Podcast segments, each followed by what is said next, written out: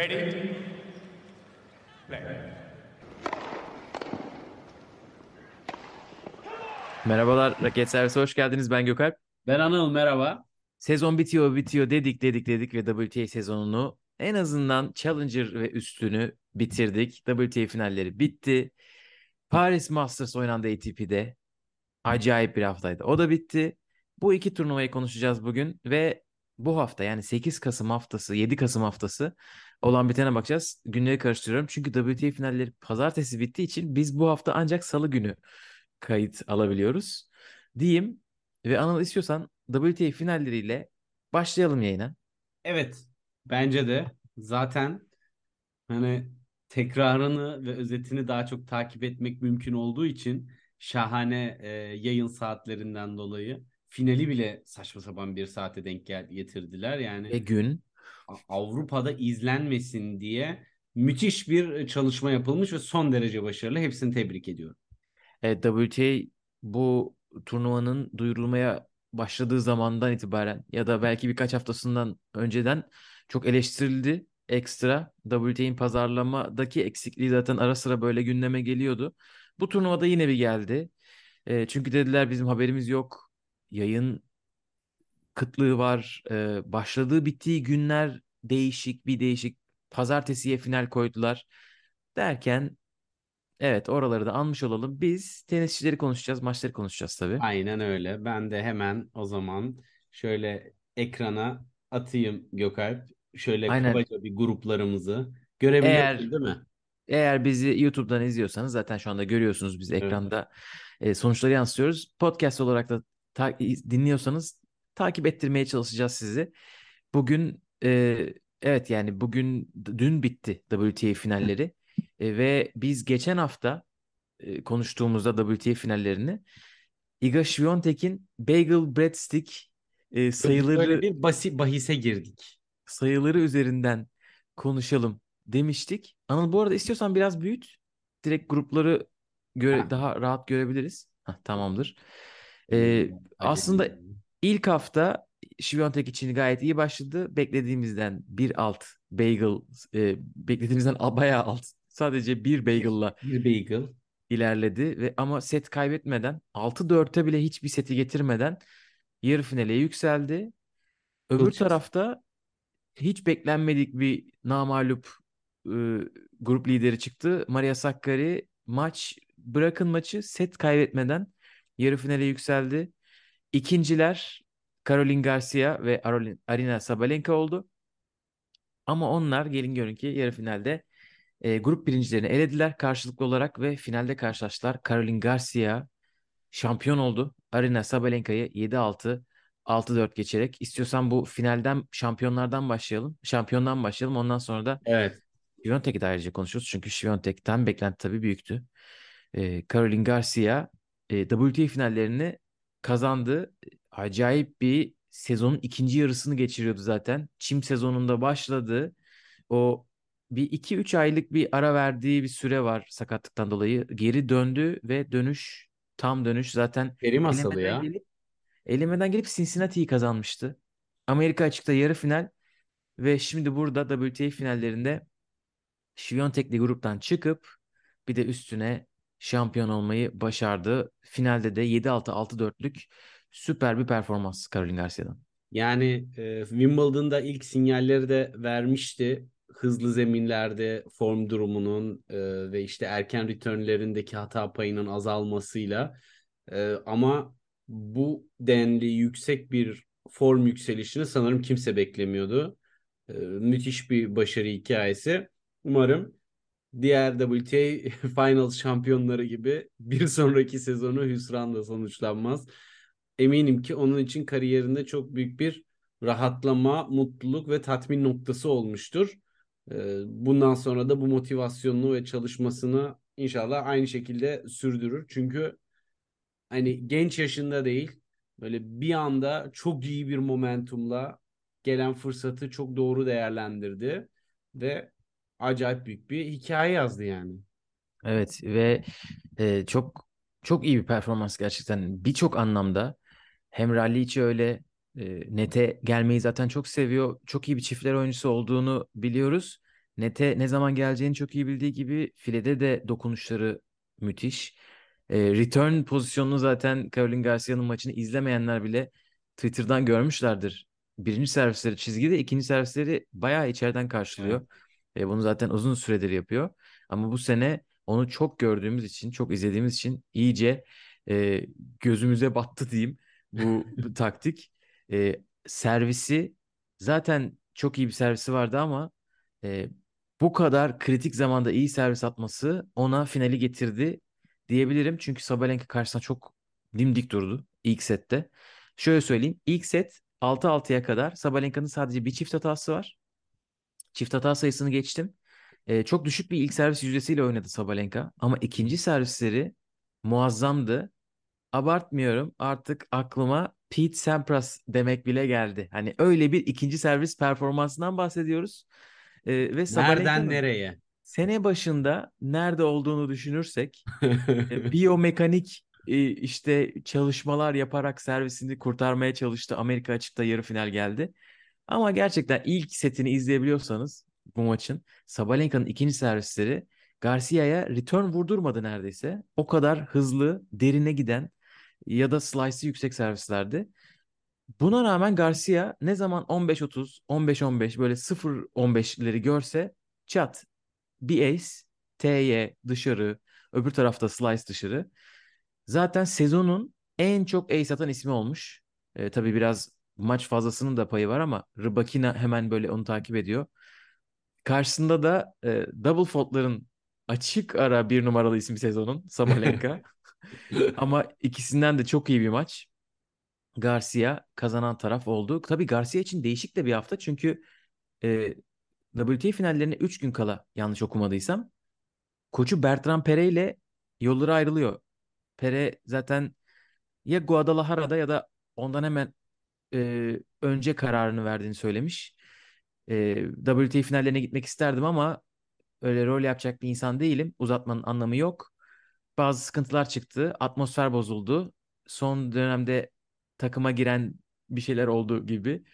E, neredeyse ismini vermeden çok büyük ihtimalle Caroline Garcia'nın babasından duymadığı hazı belirterek e, rolü bıraktığını söylüyor ve 3 gün kala babası var Garcia'nın tarafında. Bir de sanırım çalıştıkları bir akademinin head coach'u o adam. O da bir koç ama çalışmaya başladılar mı emin değilim. Böyle bir değişikliğe rağmen Garcia şampiyon olmayı başarmış. O arka hikayeyi de verelim. Yani koç değişikliği tabii ki özellikle bu kadar kısa süre öncesinde de psikolojik olarak bir yana ritüeller anlamında bile bir etkisi olur e, muhakkak ki. Dolayısıyla böyle hengameli bir dönemde en büyük başarının gelmesi tabii ki ayrı bir detay. Evet Caroline Garcia bu performansla 4 numaraya yükseldi. Kariyer yüksek sıralamasını tekrar yakaladı. Sanırım 2017'de 4 numara olmuştu. Yine WTA finallerine gittiği bir sene. Şimdi işin ilginci ve iştah kabartan kısmı Caroline Garcia için Roland Garros'un sonuna kadar koruyacağı sadece 395 puanı var. Yani bu işin iki numaraya kadar yolu var. Sonra ara bayağı açık. Bir numaraya kadar da yolu olabilir. Çünkü aynı zaman diliminde Iga Świątek'in yaklaşık 8000 puanı var koruması gereken. 3 Masters üstü bir Grand Slam olunca bir de Avustralya açık yarı finali. Evet. E, tabii ki onlar bir günde ele- yok olmayacak o puanlar. Kademeli kademeli. Belki gidecek, belki gitmeyecek. Belki Świątek o kupaları tekrar tekrar kazanacak ama belli olmaz. Yani burada da aslında tabii ki şimdi Świątek finale çıkmadığı için, kupayı almadığı için sanki böyle kötü bir dönemdeymiş gibi bir algı olabilir artık. Świątek yarı finalde elenince bile yadırgıyoruz. Öyle bir alışkanlık yarattı ama sonuç olarak hani bu kadar uzun bir sezon, o kadar çok kupa, o kadar çok maç bence artık zaten kendisi de dedi. Şimdi biraz dinlenme zamanı. Vücudu da istemiştir belki de bir iki maç daha az yapmaya artık yeter. Ama tabii sezon sonu finallerin anlamı büyük. O da elbette ki kazanmak istemiştir. Fakat e, bir hem Świątek'in en üstün olduğu zemin değil, sert zemin. Hem kort seyirci tarafından çok az kişi var. Bu da bir motivasyon faktörü oluyordur illaki turnuvanın algısında. Ama ben 2023'te de Şviyontek rüzgarının devam edeceğini düşünüyorum açıkçası. Evet onun için aslında bir gelişme oldu bu performans. Çünkü geçen sene e, bir maç kazanabilmişti grupta ve sanırım o elendiği kesin olduğu zaman yanlış hatırlamıyorsam öyle bir maçtı. Belki öyle değildir ama gruptan çıkamadı. Yarı finale çıkamamıştı ve onun olduğu gruptan e, Maria Sakkari ve Paolo Badosa çıkmışlardı yarı finale. Hani şimdi böyle bir performans yarı finalin hayal kırıklığı olması onun için onun geldiği noktayı gösteriyor. E, Sabalenka'ya elendi. Belki işin sürpriz tarafı o. Evet. E, ama Sabalenka hani o güç oyununu dikte ettirmeyi başardı Świątek'e. E, servisinin hani ne kadar iyi olduğunu finalde söyledim. Świątek karşısında öyle değildi. İlk oyun ilk iki ilk pardon ilk oyun iki çift hata yaptı ve 15-40 geriye düşerek başladı. E, ikinci oyunda daha çift hatalar var falan derken ama bu Świątek'in herhalde unutmak isteyeceği bir belki de çabuk çabuk unutacağı bir maçtı. Çünkü hiç karakteristik olmayacak şekilde çok hata yaptı. E, zaten o kadar hata olmayınca e, Świątek'in bir 6-2 bir de 6-1'lik set kaybetmesi aynı maçta. Görülmüş çok zor. şey. Çok, hiç hiç görülmüş şey değil Tersi gerçekten. çok görüldü ama. Aynen. Aynen aynen. Ee, Burada kötü maç demişken kötü bir hafta geçiren Coco Gauff'u da e, konuşalım bence. Çünkü Gauff e, tekler ve çiftlerde burada mücadele edip hiç maç kazanamadı. 6'da 0 çekti. Belki partneriyle beraber de Evet. paketleyebiliriz onu. Çünkü Pegula Evet. da Pegula da aynı şekilde. İkisi de Amerika'da oynanıyor. Ekstra motive faktör, motivasyon faktörü olur dedik. Tribünler boş kalınca motivasyon terse düşmüş anlaşılan. Ama Gauff da çok net bir şekilde söyledi. Yapacak bir şey yok. Gerçekten çok kötü tenis oynadığım bir haftaydı. Ee, o yüzden de hani şimdi Billie Jean King Cup'a odaklanacaklar diye anladım ben. Fakat Evet, yani o bir duvara mı çarptılar diye konuşuluyordu. Çünkü Jessica Pegula biliyorsunuz Guadalajara'yı son binlik turnuvayı kazanıp geldi buraya. Ama o da söylemişti. Geçen konuşmuştuk. Hani burayı aynı düşünmüyorum ben. Sakarya'yı yendim finalde ama burada farklı olabilir. Bir sürü şart değişik. Gerçekten de ilk maçında zaten Sakarya'ya kaybetti. Sonrası da gelmedi. Yakın maçlar kaybetti ama Jabeur'e karşı set aldı. Sabalenka'ya yine yakın bir maç ama 3'te Tabii, 0 tabii. çeken yine yani o. sonuçta aşırı bir çöküş yok Sakarya'ya karşı. 7-6 7-6 kaybetti. Jabeur'e karşı dediğin gibi set aldı. Ama e, Coco Gauff'un ben önümüzdeki sene için en önemli gelişim alanının forehand olduğunu düşünüyorum. E, forehand'ini geliştirebilirse Evet. e, orası hala ciddi bir e, güç üretememe alanı. Onu da yaparsa bence zaten aşırı komple bir oyuncu olacak. Evet. Yani hala ve hala daha bu kız daha yeni lise mezuniyetini kutladığını düşünürsek e, tabii ki daha çok ge- e, yolu var. Ama forehand gelişim alanını tamamlamasının e, yoğun bir şekilde top oyunculara karşı oynadığı dönemlerde ne kadar önemli olduğunu e, bir kez daha e, gösterdi bence. Özellikle e, Iga maçında Świątek'e karşı tabii ki Świątek bir alanda zaman kazanıyorsa müthiş bir şekilde e, karşı tarafın tempo yapamadığı alanda onu pataküte kullanıyor. Zaten maç skorundan da e, bunu görebiliyoruz. Ama onun haricinde tabii Koko için de rüya sezonuydu. Müthiş işler başardı. O da 2023'te adından sıkça söz ettirecektir. Aynen Grand Slam finali oynadı. Ee, gayet iyi bir yıl onun için. E, iki grubun üçüncülerini de analım çok kısaca. Çünkü onlar az kalsın yarı finale çıkacaklardı. Ons Jabeur Sabalenka'ya ikinci setini 7-6, üçüncü setini 7-5 kaybettiği bir maç kaybetti. Hani o maçı kazansa yarı finaldeydi. Kasatkina da Garcia'ya şampiyona üçüncü set 7-6 kaybetti. Onu kazansa o yarı finaldeydi. Ama Jabeur ve Kasatkina için de herhalde çok üzülmedikleri ama kıl payı yarı final kaçırdıkları bir turnuva oldu. Bir ilk onu konuşalım istersen. Tabii. Çünkü artık WTA'de sene bitti. Świątek tabii ki iki buçuk kat farklı falan dünya bir numarasında. Jabeur Wimbledon puanlarını kazansa bile neredeyse Świątek onun iki kat puanında. Ee, ikinci Jabeur, 3 Pegula, Caroline Garcia 4 numarada, Sabalenka 5. Sabalenka'nın bu sezonu 5 bitirmesi gerçekten muazzam bir iş. Ee, Yani Sakkari kadar 6. şeye rağmen Aynen Sakkari 6 onun için de öyle. Onu da nasıl e, ilk 10 diyorduk. İkinci üst üste sene Evet. İlk 10 bitirmiş oldu. Angelique Kerber'le antrenman yapmışlar.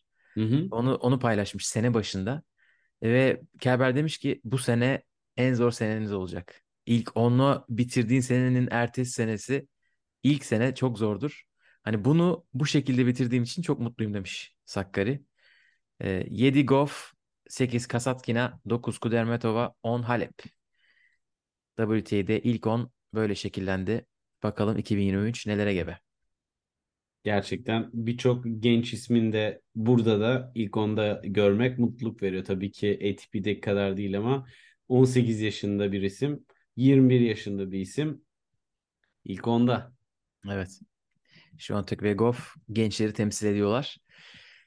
İstiyorsan çiftleri de konuşalım kısaca. Tamam. WTA finallerinde çiftlerde Kudermetova ve Mertens kıl payı şampiyon oldular. Finalde Krejcikova ve Sinyakova'yı match tiebreak'te 11'e 9'la geçtiler. ve namağlup şampiyon oldular. Grupta da maç kaybetmemişti. Onlar bununla beraber e, Kudermetova dünya 2 numarasına kadar yükseldi çiftlerde. Sinyakova 1 kapatıyor. Krejcikova 3, Kokogov 4 diye gidiyor. Burada tabii hem tekler hem çiftlerde çok iyi performans gösteren e, birçok isim var. Sinyakova, Kudermetova, Krejcikova, Goff, Mertens, Pegula. ilk altın tamamı öyle. Onları ayrıca kutlamak lazım. Kesinlikle ve belki de WTA'de Best of 5 yerine Best of 3 oynama, oynanmasının en değer kattığı yer oyuncuların çiftler turnuvalarına da daha sık e, katılmasını gösteriyor. Ama Koko zaten 16 yaşından beri hep çiftler oynuyor. Hep bir partneri var ve her turnuvada çiftler oynadığı için onun durumu da biraz ekstra. Ama evet. Evet, tarafı istiyorsan böyle kapatalım ve de Evet. Paris'e doğru yol alalım. yavaştan. Paris'te neler oldu Gökalp ya? Neler neler. İşte kim derdi ki 19 yaşında bir çocuk ama adı Carlos değil. Paris'te şampiyon olacak ve Hem de 5 Carlos'u tane yenerek. 5 tane ilk 10 oyuncusu yenecek. Onlardan da önce Stan Wawrinka'yı yenecek ve Wawrinka'yı yendiği maçta 3 maç puanı çevirecek. Ki Wawrinka da acayip oynamıştı. Muhteşem bir maçtı. maçtı bence o. Müthiş Çok çok iyi bir maçtı. maçtı.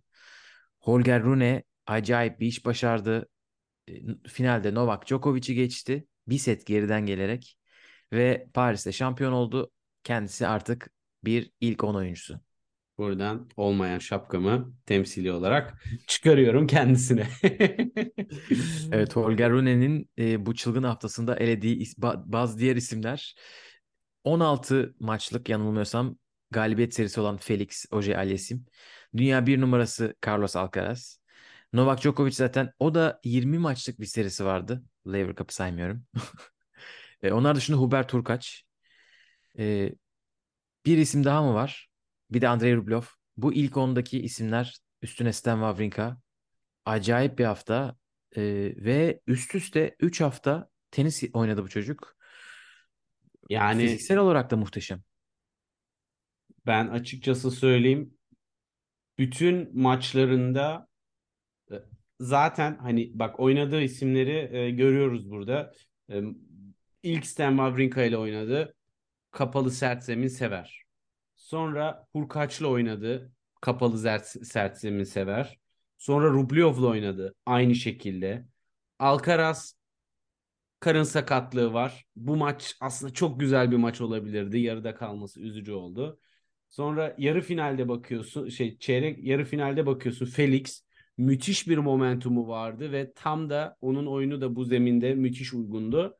Ve finalde de kapalı sert zeminin en büyük ismi bana soracak olursan e, son yıl son 30 yılda Novak Djokovic onu da yenmeyi başardı. Yani sadece ilk 10'da olması değil yendiği isimlerin aynı zamanda da oyuncu profillerinin Evet. kapalı sert zemindeki performansını göz önünde bulundurduğunda daha da ekstra bir başarı. Yani acayip Evet, daha bir daha müthiş bir yol çok olmamıştır. Peki sana şunu sorayım. Nasıl yaptı bunu? Oyununda ne var? Ne nasıl yaptı bunu? Ne- nereden geldi bu, bu şey galibiyet serisi? Bu değerli soru için e, sayın basın mensuplarına çok teşekkür ediyorum. Benim aklımda bir şeyler var da sen yorumlasana başla. Gökay şimdi bir beni çok mutlu eden bir şey var. O da tarzları Alcaraz'la çok benzemiyor. Holger Rune'yi özellikle şu anda ön plana çıkaran bence temel faktör atletizmini geri çizginin üstünde kalmayı çok iyi başararak her fırsatta öne doğru giderek rakibinden zaman çalarak sürekli baskı kurarak ve bana sorarsan hem oyunun yönünü çok iyi çeviriyor hem de kısa topları at, çok iyi atabiliyor, lopları da çok iyi atabiliyor ve bunları çok iyi karıştırabiliyor. Kısacası hem agresif oyunu az hatalı yapıp üstüne aynı zamanda da variyetesinin çok olması Holger Rune'yi bu yaşta çok ön plana çıkarıyor. Ama evet. bunların üstüne tekrardan iki faktör var ki bence onlar çok çok daha büyük etken. Bir acayip refleksleri var. Gerçekten çok kısa sürede çok iyi kararlar alıyor ve çok sert, zor yetişilen toplarda da çok hızlı bir şekilde cevap verebiliyor. Özellikle defansında bu çok faydalı oluyor.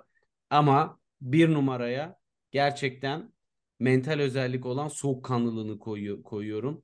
Müthiş e, baskı anlarında her puanla başa çıktı, savaştı. Bence Alcaraz'la en benzer özellikleri bu. E, ikisi de baskı altında, stres anlarında, büyük puanlarda büyük oynamayı başarıyorlar. Özellikle finalde Djokovic'e karşı 3-1 gerideyken o break'i yakaladığı anda Djokovic'in servis voleleri ve orada yaptığı defansla Djokovic gibi bir ismi filede servis sonrasında hataya zorlayabilmesi acayip returnler gerçekten gerçekleştirdi. Ee, onu bu son dönemde en çok öne çıkan özellikleri bence. Daha da konuşuruz, daha da kendinden konuşturacak ama genel yorumum böyle Gökhan. Evet, evet, evet ben de katılıyorum. Bu kadar komple e, bir oyuncu çok yok tabii. Alcaraz dışında e, ben, ben Siner'den bile bir tık önde olduğunu düşünüyorum potansiyelinin. Çünkü potansiyelinin demeyeyim şu anki halinin önde olduğunu düşünüyorum diyeyim. Baseline çok komple. İki kanattan da her vuruş var. Yani forehand, backhand, çapraz paralel bir sıkıntı yaşadığını ben görmedim. E, mesela Felix'te backhand'i konuşuyorduk. Evet. E, başka oyuncularda Sisipas'ta işte Yine Slice mesela backhand. konuş slice konuşuyoruz evet. genelde. E, bu çocukta slice da var. Top spin de çok iyi vuruyor. E, bence senin söylediğin bu ileri gitmeye duyduğu istek o herhalde onu en çok diğerlerinden başka yere taşıyacak. Yani mesela Siner'de olmayan şey o bence. Evet. Çünkü bunu kamikaze olarak yapmıyor Rune. Çok bilinçli bir şekilde gidiyor. Oyununu ve bence, kuruyor. Ve bence bunu tabii Alcaraz da bunu yapıyor mesela ama Alcaraz bunu bence o kadar içgüdüsel olarak yapmıyor. Juan Carlos Ferrero çık demişti Gitmiyor. gibi bir şey demişti hatta mesela. O ama Rune bence bunu çok içselleştirmiş. Böyle hayal kırıklığı duyduğu bir sayıyı izleyin. Ben bu son 2-3 hafta bunu çok gördüm. O sayının üstüne 2-3 defa mutlaka arka arkaya fileye gidiyor. Ya bir şekilde kendine fileye gidecek o vuruşu vurduruyor. Yani bomboş vuruşlara gitmiyor. Hani o çok acayip. Bir de servis. Servis inanılmaz e, olgunlukta bu, bu yaşa göre. Hem ilk hem ikinci servis. Bence return şu anda onda her şeyin biraz arkasında. Özellikle böyle berabere tarafında dışarı çıkan servisler, returnleri çok kaçtı. Wawrinka evet. maçında da, Djokovic maçında da. Ee, ama bir şeyin zaten gelişiyor olması lazım. Bir de mantalite. Ben mantalitenin senin bahsettiği şeklini bu hafta gördüm Rune'den. Rune bu hafta çok örnek öğrenci gibiydi. Çok sakindi maçlarında. Tabii. Önceki Hiç kendi kendini bitirecek bir port yani böyle bir öyle bir görüntü yoktu. Ee, genelde yani şu ana kadar hep öyle gördük. Evet. Ben Rooney'i mızmızlanmadığı bir maç izlememiştim Paris'e kadar. Ve belki hepsini izlemediğimiz içindir tabii ama hep mi denk geliriz yani hep öyleydi gerçekten. Bu hafta başkaydı. Ve hani e, kesinlikle katılıyorum. E, Wawrinka'nın hani maçtan sonra ona dedi biraz daha efendi oynarsan çok başarılı olabilirsin tadındaki mesajında e, hakikaten son iki, iki haftanın üstüne en efendi oynadığı maçtı ve oradan da öyle devam etti. Öyle devam etti. Müthiş rakibe saygı, tribünlere karşı saygı. Benim e, burada e, bu turnuvada dikkatimi çeken e, veya biraz bir tık da rahatsız eden bir şey vardı hakikaten. Yani Novak Djokovic gibi bir efsane oynuyor. Ona karşı bile mesela Tsitsipas maçında tribünlerde garip garip e, oyun sırasında hareketler yapılıyor. Paris seyircisi yine bence çok sınıfta kaldı. Özellikle Gilles Simon'un maçlarında acayip tenis seyircisine yakışmayacak servis atarken bağırmalar, çift hatayı alkışlamalar. Yani bu benim turnuva özelinde gerçekten en büyük negatif e, hanemdi. Ama çok büyük maçlar izledik. Bence son yılların seviye olarak, rekabet olarak en üst düzey Paris Masters'ı oldu. Nadal erkenden elenmesine rağmen ki zaten Nadal aslında e, hani geldiği gibi döneceğini sanırım form durumu olarak kendi de hissetmiş. İstersen... Ona rağmen kazanacaktı az kalsın maçı. İlk Yani set aldı, evet. ikinci set tiebreak oynandı. Aynen öyle. Yani e, hani orada istersen bir çok kısa e, turnuvada erken elenen oyunculara da bir bakalım. Çünkü bence çok sağlam bir e, kadro da çıktı oralardan. Evet, herhalde Nadal'ı söylemek lazım.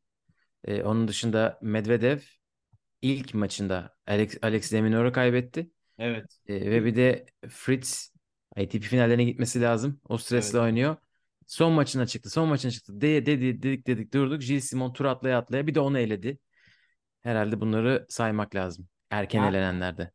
Kesinlikle özellikle şimdi bu yukarı tarafta baktığımızda aslında her şey çok beklentiyi gibi gitti. Holger Rune pardon şurada e, burada e, baktığımızda ilk olarak işte Holger Rune çıktı, Hurkacz çıktı.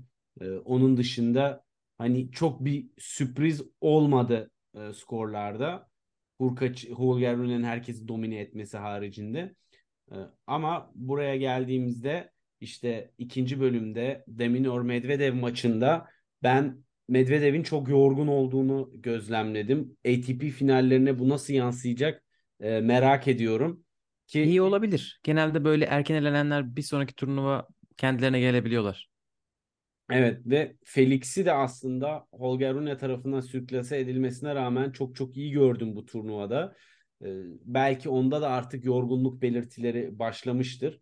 Çünkü o da aslında Gilles Simon'a karşı herkesin zorlandığı adama karşı çok rahat bir galibiyeti aldı orada. Ama zaten Simon da demişti artık vücudum yoruldu ve e, yenilginin yani Kort'ta son maçımı yenileceksem Felix'e yenilmek konusunda bir problem görmüyorum demişti ve hakikaten e, öyle de oldu. TFO'ya karşı da çok dominant oynadı. Özellikle e, sert zeminde ve kapalı sert zemindeki servis etkinliği bu hafta da bence müthişti. Rune maçı haricinde. Burada da çok iyi skorlar oldu. Ki bence Andy Murray burada biraz daha ilerleyebilirdi. Ama e, seyirci onu mental olarak çok etkiledi. Acayip Gilles oradan Simon'a kaybetti Andy Murray daha Evet. ilk turda 6-4, 5-3 önde olduğu maçta Simon Evet. onu çevirmeyi başardı. bayağı siniri bozuldu Andy Murray'in. Böyle devam ederseler ma- maçı kapatma, maçı bitirmem falan gibi bir şey söyledi ki Murray'den hayatta böyle şeyler duyamayız. Yani o derece kepazelikler yaşandı maçta. Gerçekten e, Djokovic bence yani finalde Rune'nin Djokovic'i yeniş biçimi çok çok e, özel. Çünkü Djokovic müthiş aç geldi buraya. Zaten bu turnuvayı en çok kazanan isimdi. Ama e, bunların üstüne aslında harika da bir performans gösterdi. Yani resmen antrenman maçlarıyla neredeyse finale kadar geldi diyebiliriz. Ki Muzetti de formdaydı. E, onu da e, 6-0 6-3 yendi. Ki Muzetti de e, Kasper Ruud'u yendi 2-3 sette. Hani bunların hepsini bir araya koyduğun zaman Djokovic'i bu form durumunda bu açlıkta yenmek Rune tarafından bence çok ciddi e, bir e, başarı. Tsitsipas ben beğendim ama hala işte o tekel backhand tarafı Ama Tsitsipas yarı finalde Djokovic'e 3. set 7-6 kaybetti. evet Burayı O- kazanabilirdi Paris'e az kalsın. kesinlikle kazanabilirdi ve işte aslında ben de tam buna gelecektim. Maça biraz tutuk başladı ve e, Djokovic gerçekten bütün zafiyetlerini çok iyi harcamayı başardı. Ve sonrasında ama ikinci seti Tsitsipas'ın almasının tek sebebi Djokovic'in birinci servislerini düşüp ikinci servislerde o yavaş backhand hareketinde zaman kazanmaya başlaması. İlk sette Djokovic birinci servislerinden e, yüzde yüzle sayı çıkardı. İkinci sette yüzde 66 ile servis çıkardı. O seti Tsitsipas aldı. Ki orada servis hızı 10-15 kilometre düştü. Üçüncü sette Djokovic yine yüzde yüzle birinci servisini aldı. Djokovic'in servisi biraz titreyip hızını tempoyu çıkardığı anda Tsitsipas alan buldu. İşte tam da hani o nokta Tsitsipas'ın en büyük gelişim alanı. Hızlı oyunda backhand tarafından müthiş dayak yiyor ve o yüzden de sert zeminde çok favori olamıyor. Orayı aşarsa bence yani e, çok başka bir noktaya da evrilebilir sert zemin kariyeri. Tsitsipas tabii sert zeminde aday olmuyor diyoruz ama kendisi eski bir ATP finalleri şampiyonu. Next Gen bile değil. Hani evet. ATP finalleri şampiyonu. Ve bu sene geçirdiği e, sene çok şaşalı bir sene olmadığı için e, hani istikrarlı gidişatı diyeyim çok gözükmeyebilir. Ama kendisi seneyi dünya bir numarası olarak bitirme şansı var. Avustralya açıkta yarı finalden sonra Fransa'da dördüncü tur, Wimbledon'da üçüncü tur ve Amerika açıkta birinci turda elendi. Ama kendisi bir şekilde öyle puanlar topladı ki evet. ATP finallerinde namalup şampiyon olursa seneyi dünya bir numarası olarak bitirecek. Acayip bir şey. Ee, eğer o olmazsa ve Nadal e, 4-1 ile şampiyon bitirirse ATP finallerini. Nadal evet. olacak dünya bir numarası.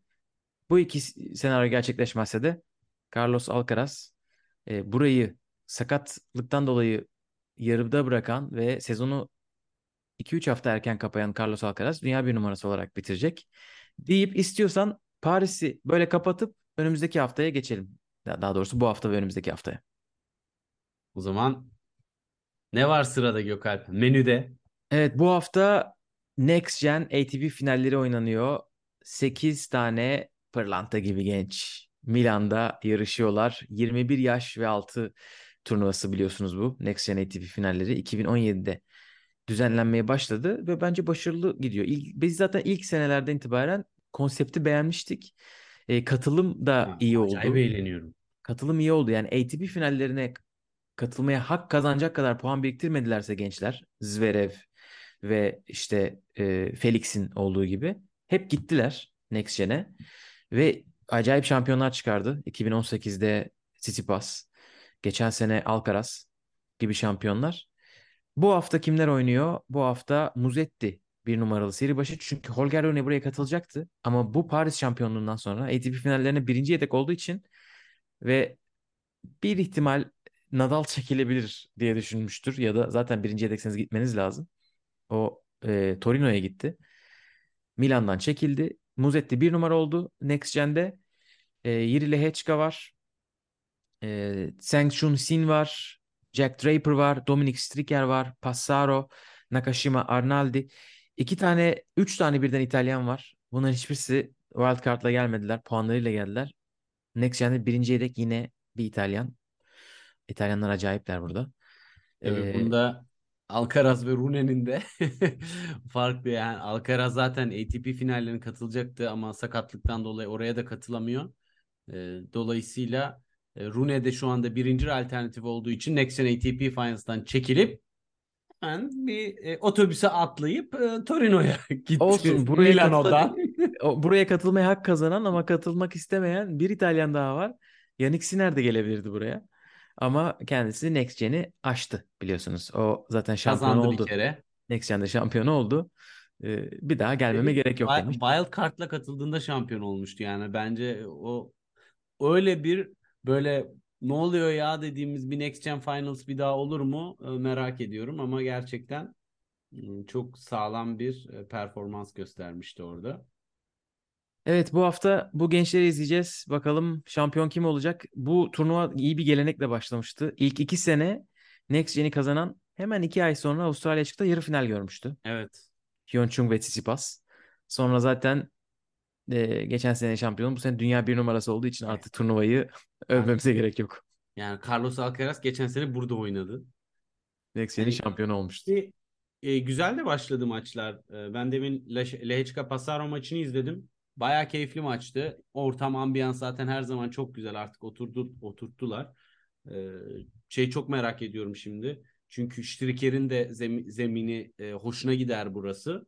Drape, Jack Draper, işte, pardon Siner dedim, Striker. Jack Draper, Dominic Striker maçı İkisini de Evet. seveceği zemin. Bence bayağı e, çıt çıt gidecek. Bir de burada hani tekrardan dinleme daha önce bu Next Gen bölümlerimizi dinlemeyenler için bir ufak hatırlatma. Burada 5 setin 3'ü oynanıyor ama 4 oyun üzerinden oynanıyor.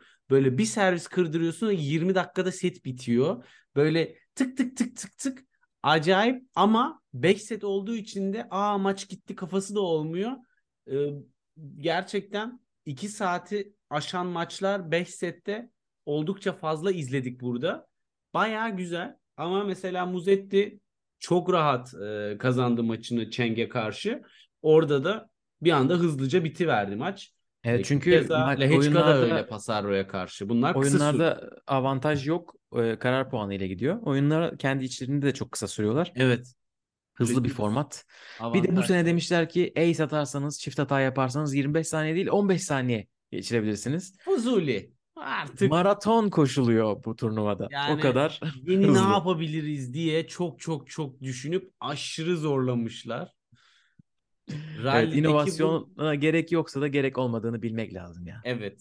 Yani şey yapsınlar o zaman. Madem öyle rally 5 vuruş o 10 vuruşun üstündeyse de o zaman 25 değil 35 saniye yapalım. Değil mi? Evet, ATP inovasyon sorumlusu notunu aldı. Önümüzdeki sene bakalım Sanırım neler olacak. Çok hype oluyor. Başka kimse bu notu almaz çünkü.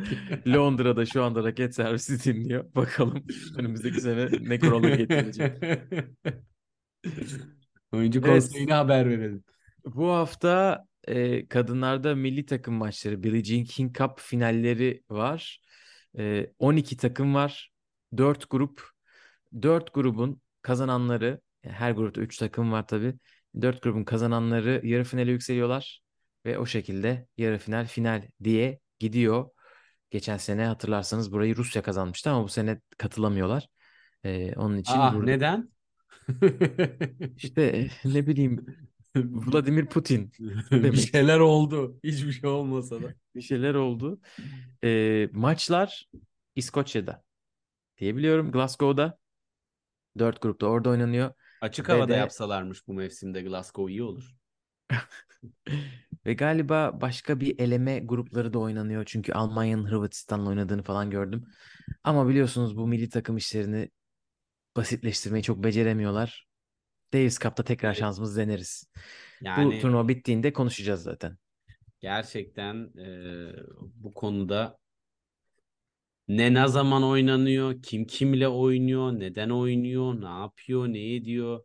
Evet Gerçekten Świątek zaten çok erkenden şey açıklamıştı. WTA finalleri ve Billie King Cup arası inanılmaz kısa ve çok uzun seyahat gerektirdiği için ben katılmayacağım demişti.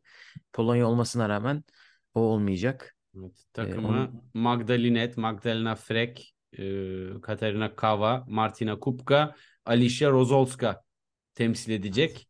Tahmin edebileceğiniz gibi çok ön planda isimler değiller ama Billie Jean King Cup'talar buna rağmen. Bence bu da formatın bir sıkıntısı açıkçası. E, yani Takvim de olabilir. Takvim Evet, gerçekten takvim çok zaten sıkışık. sıkıntı. Çok sıkışık. Yani dünya bir numarasını buraya getirmek. Bakalım Davis Cup ATP finallerinden sonra yapabilecek mi? ATP finallerini konuşalım. Pazar günü başlıyor çünkü. Ee, biz yeni kaydı almadan ilk maçlar oynanmış olur. Nadal gidiyor. Ben Torino'ya gidiyorum dedi. Bir numaralı sihirbaşı. Tsitsipas, Ruud, Medvedev, Felix, Rublev, Djokovic ve Fritz. Oradalar Rune, Hurkaç yedekler. Yani Nadal'ın Tommy Paul maçında kondisyon olarak sıkıntısının sebebi geçici bir şeyse katılsın. Gayet de e, şansı olur. Ama yoksa gerçekten Tommy Paul maçında zamanlama olsun, pozisyon alma olsun acayip bir e, bezginlik ve hareketsizlik ve bir yorgunluk vardı üzerinde. O şekilde ne yapar bilemiyorum. Ama inşallah daha şeydir. Sıkıntısız bir geçici bir formsuzluktur. O zaman güzel olur. Çünkü zaten Nadal Akademi'de de bol bol kapalı sert zeminde zaten şu anda sırf orada antrenman yapıyor. Carlitos'un ama olmaması gerçekten üzücü be Gökay. Bu kadar rüya gibi bir sezonun ardından. Evet, Nadal'ın başlangıçlarını hatırlatıyor.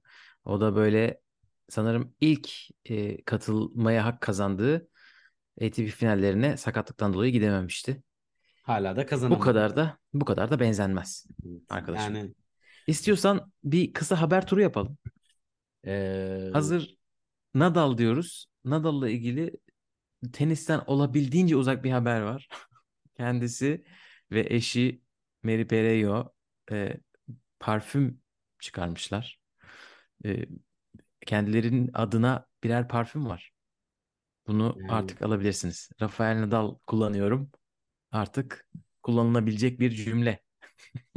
bunu direkt eee, Sephora'nın genel merkezine iletip satın alma talebini ileteceğim. Almanya'da raflara sokmak için. Online'da olsa. Türkiye'de de yaparsan olmadı bizim raket servis izleyicilerimize, dinleyicilerimize. Ya siz ya Almanya'ya getireyim de isteyenlere bavulla getiririm. Problem Sıra değil yani. Dert olsun. Evet, bunun dışında Ash Barty'den bir haber. Biyografi çıkıyor mu? Çıktı mı? Çıkıyor sanırım. Yani lansmanı yapıldı. Satışa çıktı mı bilmiyorum. Evet, bu lansman sırasında tenisi, rekabeti özledim demiş ama sonrası da kötü. Ama etrafındakileri pek özlemedim rekabetin. Hani demiş artık o sayfayı kapadım. Da artık golf var, kriket var diye Çoluk, devam etmiş. çocuk, Bakalım Avustralya açık zamanı Barty'yi mutlaka göreceğiz diye tahmin ediyorum. tribünde en azından değil mi yani? Yorumcu olarak tribünde bir bir kapasitede görmemiz lazım. Ee, oradan da kaçmazsın artık Ash. Sen Bu, e, kadar son şamp camia? Ne ettik sana? aynen son şampiyonsundur. Artık olmaz bu kadar kaçış. Değil mi? Diyelim ve de Novak Djokovic'in sihirli içeceğiyle bitirelim. Yani en spektaküler konuyu sona sakladık. En gündem olduğunu neden anlamadığımız ama o kadar çok konuşuluyor ki biz konuşmazsak da olmaz dediğimiz konu budur. Ya olayın özeti şu. Tribünde yıllardır Djokovic'in fizyoterapistliğini e, yapan de, ekibindeki kişi işte sağa sola e, haber işaret veriyor. Böyle biraz etrafı kapalı oluyor.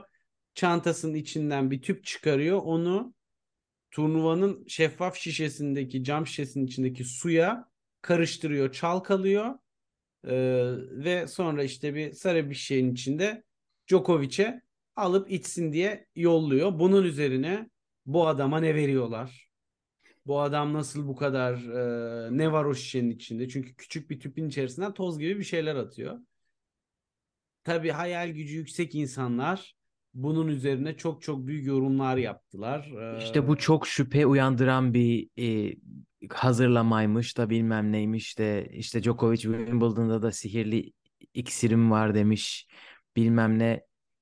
Yani bence ben Djokovic bu o tweet'i zaten- gördüm sen yolladığında Evet. ve o adamın hayatında bir tek Wimbledon finali izlediğini ve toplamda da 50 dakikadan fazla tenis izlemediğini düşünüyorum. Ama gelin görün ki Djokovic'e laf atmak ve komplo teorileri ve bu ikisinin kesişimi ola- olan Djokovic ve komplo teorileri inanılmaz etkileşim yarattığı için bence buralara geldik. Yoksa zaten elektrolitler böyle hazırlanıyor demek istiyorum. Yani Elektrolit olmayabilir de yani teniste bir şey toz atıp olabilir. İçecek zaten çok olan bir şey. Ha, ya şey diyelim eskiden vardı ya çocukluğumuzda izostar toz atıyorsun suyun içine çalkalıyorsun Şey, eskiden vardı tank. tank ama tank ben hiç sevmezdim tank'i sevmezdim Yani bilmiyoruz Djokovic'in sevip sevmediğini. Zaten içine çekiyor. ama zaten hani şunu söyleyelim bu sadece Djokovic'in yaptığı bir şey değil bu son derece yaygın bir şey maç sırasında bacaklarda vücutta hafif yorgunluk hissedince oyuncular elektrolitli e, su hazırlanmasını istiyor. Change arasında onunla uğraşmak istemedikleri için ve bu karışımı o anda hazırlayıp içmesi gerektiği için tribünde hazırlanıyor, veriliyor. Bu elektrolitten zaten çok sık gördüğümüz ve bildiğimiz bir şey. Dolayısıyla ya o, o, odur diye demiyorum ben ama. Bu açıklanmadı diye tabii şu anda açıklamak zorunda da değiller. Ya- Biz VADA mıyız? Bak, Twitter çok- VADA mı? Çok net bir şey söyleyeceğim Gökay. Bu adam Djokovic yani bu kadar çok komplo teorisi ve işte laf edelim şöyle yaptım heveslisi bir sürü insan var. Aşı karşıtlığını ben de aslında dünya saçması buluyorum. Yapacak bir şey yok. O da onun e, kararı. Ama bu kadar vücuduna ihanet etmemek, yabancı bir madde sokmamak üzerine bütün kariyerini böyle bir kenara İnşa atmaya etmiş. hazır olan bir insana da orada garip garip doping ilaçlı maddeler kullanıyorlar demek kadar birbiriyle çelişkili dünya saçması e, şeyler yok yani. Hani bu, bunun üstüne zaten ya manyak mısınız? Adam vücuduna neredeyse doğal olmayan hiçbir şey sokmayacak. Neyin kafası bu diye e, konuşulup kapanacağı noktada ah herkes o eğlence çıktı diye böyle yine goy goylar muhabbetler. Ama bence uzaktan yakından alakası yoktur. Ha böyle bir şey yapan yine bu kadar göz önünde yapar mı? Yapabilir. Hani bu aa çok göz önünde yapılmaz böyle ayan beyan yapılır mı diye kesin yapılabilir yani. Ne olacak sonuçta? Kim ne anlayabilir ne dedi. Ama bu adamlar doping testine giriyorlar habire. Bu adamların zaten belli prensipleri var. Ayrıca da Djokovic bu yaşına kadar yapmamış. Şimdi mi yapacak? Gibi gibi hani sayısız argüman varken millet işte Evet, biz de konuşmuş olduk. Bizi de konuşturdular. Biz de bu oltaya geldik. Diyelim ve de istiyorsan bu bölümü burada kapayalım. Önümüzdeki hafta Next Gen bitmiş olacak. ATP finalleri başlıyor olacak. Ee, bakalım neler olacak. güzel iki hafta Avrupa'da bol bol yayında e, izleme imkanımız da olacak. Harika maçlar bizi bekliyor. Ben kaçırmayın diyorum. Bir sonraki bölümde hoşça kalın ve görüşmek, Görüşmek üzere. Hoşça üzere. Hoşça kalın.